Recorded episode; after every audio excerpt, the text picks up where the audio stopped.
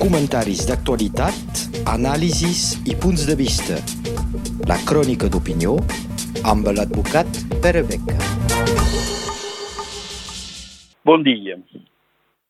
Aquest passat final de setmana va tenir lloc a la ciutat d'Elna un acte de retrobament que pot tenir diferents interpretacions, però que sí que és un acte unitari en el qual van assistir presos, antics presos polítics, exiliats i molts responsables passats o actuals de la situació política a Catalunya. Aquest acte es pot analitzar de diferents maneres. Primer de tot, pareixia ser un acte unitari que, de fet, està cobrint desunions entre els actors d'aquest acte. Ho hem dit, tothom hi era.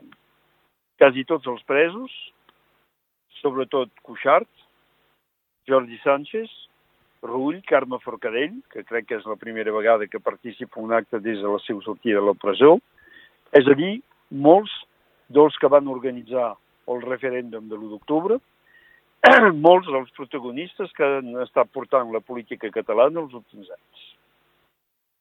Però, de fet, ningú va realment parlar de la problemàtica actual. Si Carles Puigdemont sembla aparèixer com el més reconegut dels polítics presents, no va fer cap intervenció, ni ell, ni Junquera, ni Pere Aragonès, és veritat que per intervencions oficials, siguent en un territori fora de la competència de la Generalitat, era difícil fer-ho, però per tant, això va ser un acte únicament i exclusivament de l'Òmnium Cultural de Catalunya Sud i de Catalunya Nord com a organitzador. De fet, no es va parlar de l'acció política futura. Un sol discurs, i encara prou breu, de Jordi Cuixart, però com pre president de l'Òmnium Cultural. I també com antic pres polític, evidentment. Va recordar la lluita, va assegurar la continuïtat, però no hi va haver de part seva, ni de part de ningú, la posada en plaça d'un full de ruta ni de directives per tirar endavant l'acció política al Principat.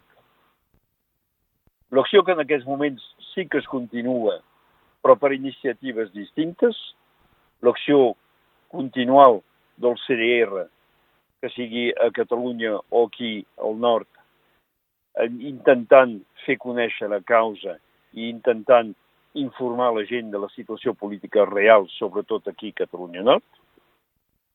L'acció que sembla que portin endavant alguns partits i entre els quals Junts per Sí firmant un conveni amb Unitat Catalana per significar la presència de la lluita a Catalunya del Nord, i l'acció també portada de cara als elegits eh, francesos, de la part francesa, com alguns batlles, com sobretot la presència de la presidenta del Consell Departamental, Hermelina Marerba, que fins i tot va acabar pujant a l'escenari amb tots els representants del catalanisme, encara que no sigui segur que això sigui una posició oficial del Consell Departamental del Pirineus Orientals.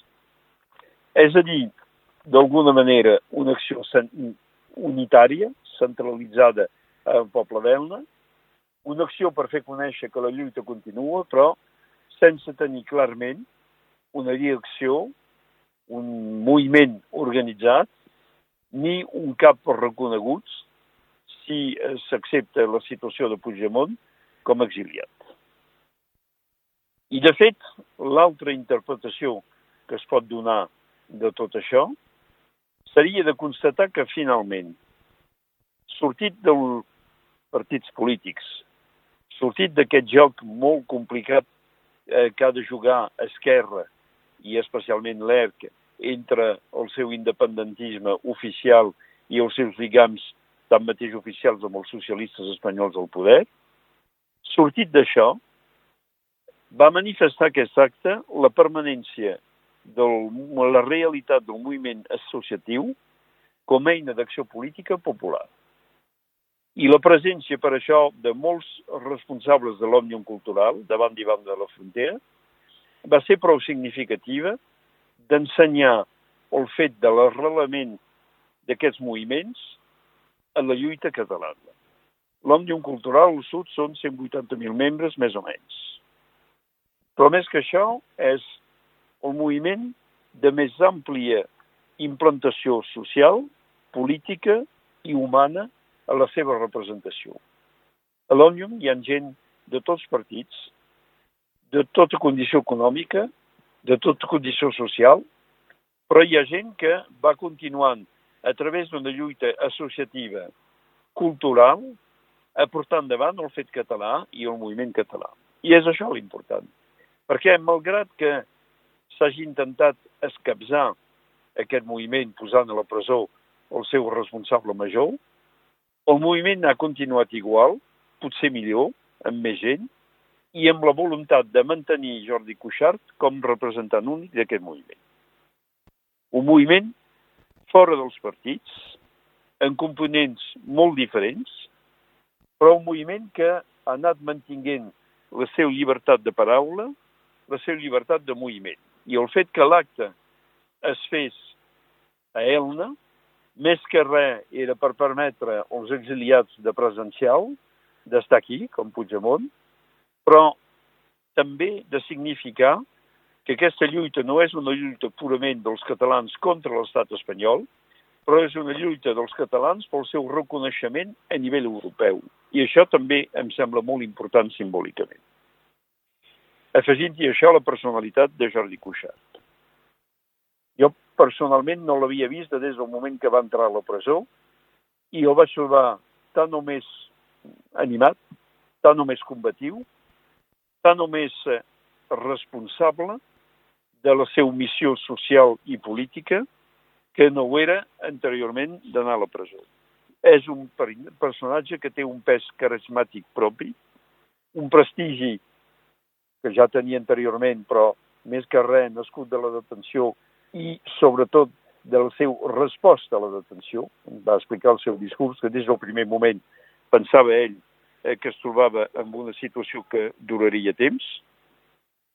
És el representant tanmateix d'una nova generació eh, política, amb responsables polítics més joves i amb un moviment de fons, de fons amb una generació nascuda de l'educació purament catalana que s'està donant a Catalunya i d'un model social renovat.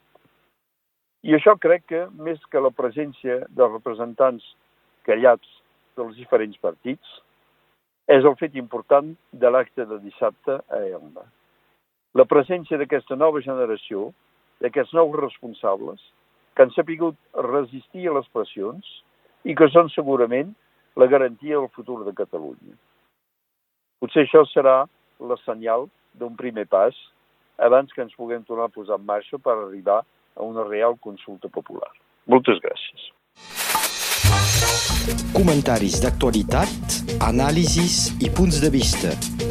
La crònica d'opinió amb l'advocat Pere Beca.